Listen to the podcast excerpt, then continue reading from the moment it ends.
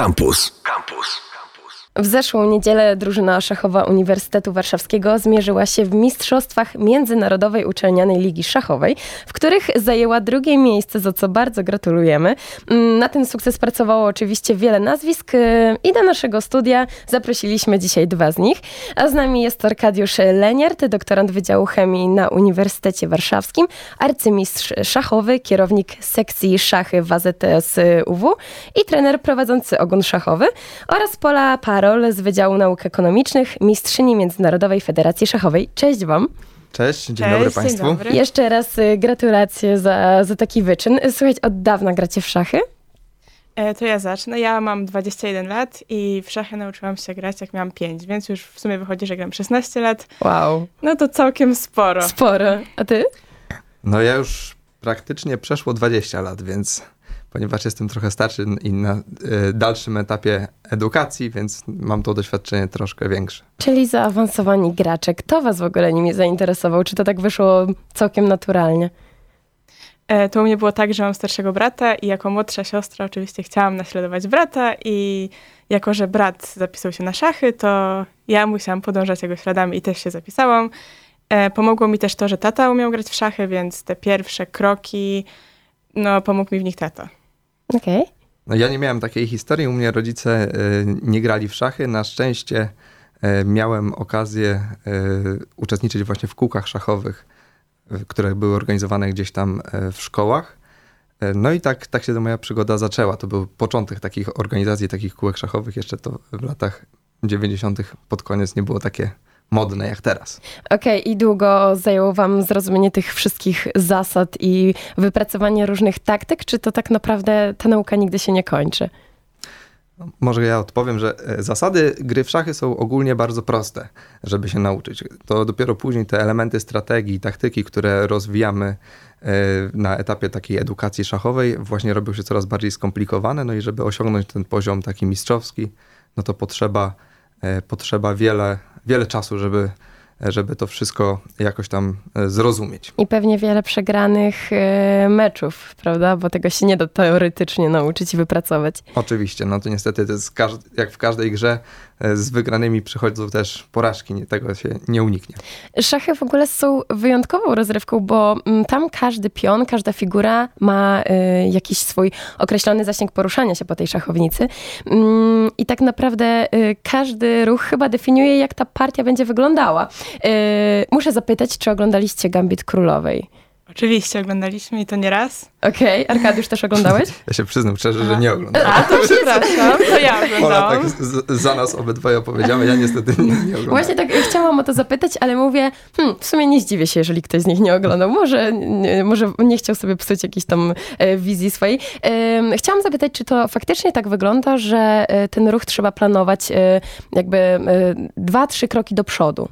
No, z reguły się nie planuje jednego ruchu naprzód, dlatego że przeciwnik nas może zaskoczyć. I żeby nie przegrać w miarę, szyb, w miarę szybko, w miarę oczywisty Albo w ogóle sposób, nie przegrać. Żeby nie przegrać, to oczywiście trzeba przewidywać ruchy przeciwnika i to, to sprawia, że musimy bardzo długo myśleć nad ruchem. Czasami może być to nawet pół godziny. Oczywiście nie, nie zawsze, ale ten czas na ruch jest około 5-10 minut.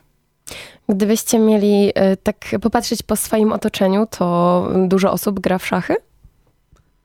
No jeżeli patrzymy na grono szachistów, no to wszyscy, No tak? właśnie, no właśnie, nie te ale, grono ale jak, szachistów. jakbyśmy spojrzeli na przykład na, jak patrzę e, chociażby wśród moich znajomych e, na uczelni, prawda, na wydziale, Mhm.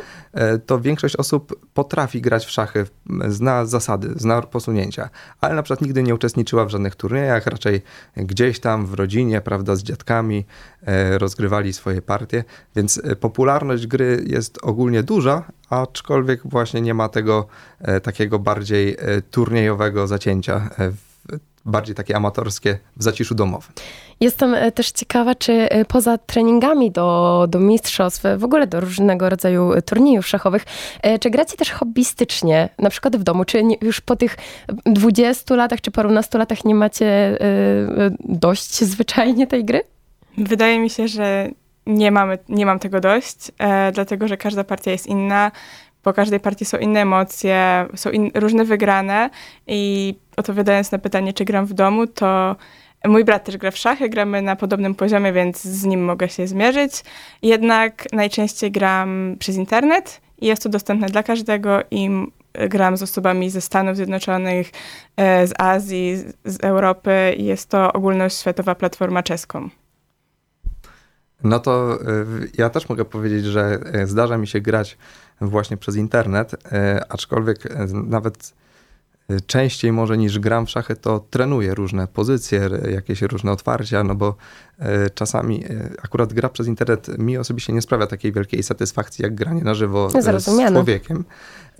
W dobie pandemii ta, te szachy internetowe się bardzo rozwinęły, no bo tutaj wiele turniejów po prostu zostało odwołane i musieliśmy sobie radzić w taki sposób. E, też, też grywam przez internet, ale tak jak mówię, troszkę, troszkę mniej. Zmierzyliście się na mistrzostwach, gdzie drużyn biorących udział było 160. Jak to wyglądało od strony organizacyjnej? Gdzie się spotykaliście? Jak długo trwał ten turniej? E, mistrzostwa były internetowe, więc tutaj mogliśmy grać e, z naszych domów. E, oczywiście były pewne zasady takie antydopingowe w szachach, czyli żeby nie można było oszukiwać poprzez ten doping komputerowy. Jeżeli chodzi o samą organizację turnieju, to byliśmy podzieleni na dywizje. Nasza drużyna ze względu na wysoki ranking została od razu dołączona do tej najwyższej dywizji. No i tam mieliśmy okazję zmierzyć się z czołowymi E, drużynami między innymi ze Stanów Zjednoczonych, z Europy. E, były takie, takie znane uczelnie jak e, Yale, MIT, Harvard, czy o kim zapomniałem jeszcze, Princeton na przykład, ale też europejskie uczelnie, na przykład Uniwersytet z Bukaresztu, Uniwersytet z Moskwy, więc ta konkurencja była dość duża. No i warto dodać, że wygraliście z nimi. No tak, w naszej fa tej fazie początkowej e, w naszej dywizji wygraliśmy wszystkie pojedynki.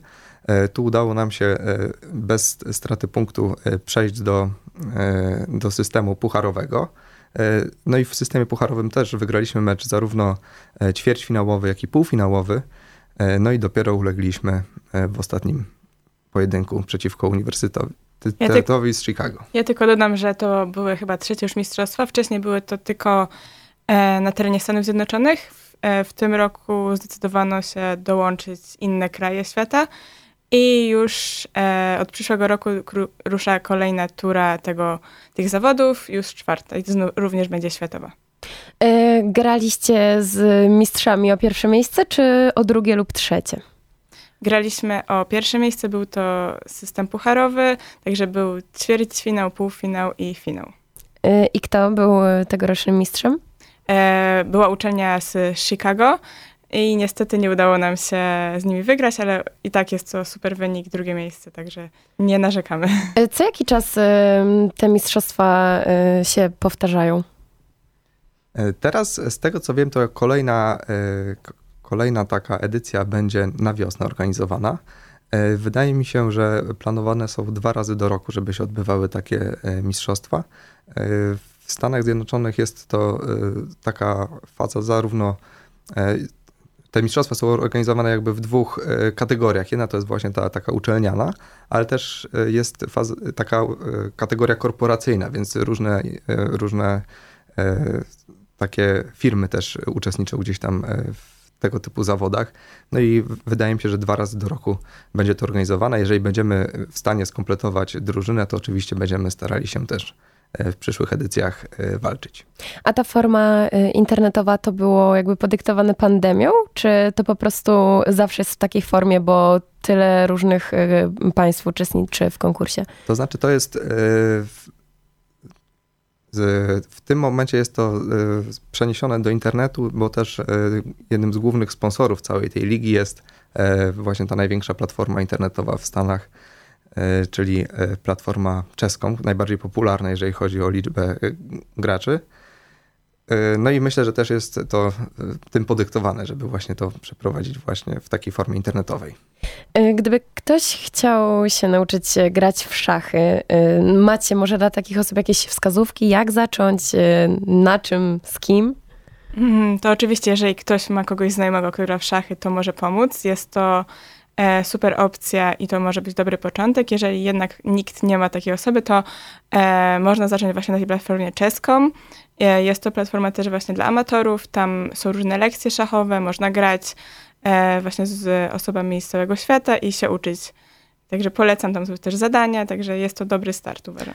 To ja może jeszcze dodam, że żeby nie było, że tutaj jest, my jakoś jesteśmy sponsorowani przez platformę czeską, są te, bo różne jest, platformy. Są różne platformy, tak. Tak. Jest między innymi platforma Lichess, która jest zupełnie darmowa dla wszystkich uczestników i też jest znakomitą platformą do nauki gry w szachy, więc tutaj oczywiście e, ten, e, no tego jest e, w internecie teraz bardzo dużo. E, Można też oczywiście zapisać się chociażby na e, Ogun u nas na uniwersytecie, którym też są prowadzone zajęcia zarówno dla amatorów, jak i dla bardziej e, zaawansowanych, e, więc e, na pewno tych opcji nauki gry w szachy jest dużo. A z nami jest, e, a raczej e, był naszym gościem Arkadiusz e, Leniart, doktorant Wydziału Chemii na Uniwersytecie Warszawskim, no i arcymistrz szachowy oraz kierownik sekcji szachy WZSUW. No i właśnie trener prowadzący ogun szachowy, na który zostaliście przed sekundą zaproszeni oraz Pola Parol z Wydziału Nauk Ekonomicznych i mistrzyni Międzynarodowej Federacji Szachowej. Bardzo Wam dziękuję, że byliście gośćmi dzisiaj w naszym studiu. Dziękujemy bardzo. Dziękujemy. Też mogę szybko podziękować e, zawodnikom z naszej drużyny, których tutaj nie mogliśmy wszystkich zaprosić, czyli Bartka Macieja arcymistrza, Łukasza Jarmucha arcymistrza, e, Asię Dworakowską arcymistrzynię e, oraz Rysia Eginka i Patryka Chylewskiego. Dziękuję. Pozdrawiamy i jeszcze raz gratulujemy sukcesu. A teraz na antenie Radia Campus kroki i numer frazy. Internety. Facebook.com ukośnik Radiocampus. Twitter ukośnik Radiocampus. Snapchat ukośnik Radiocampus. Instagram ukośnik Radiocampus.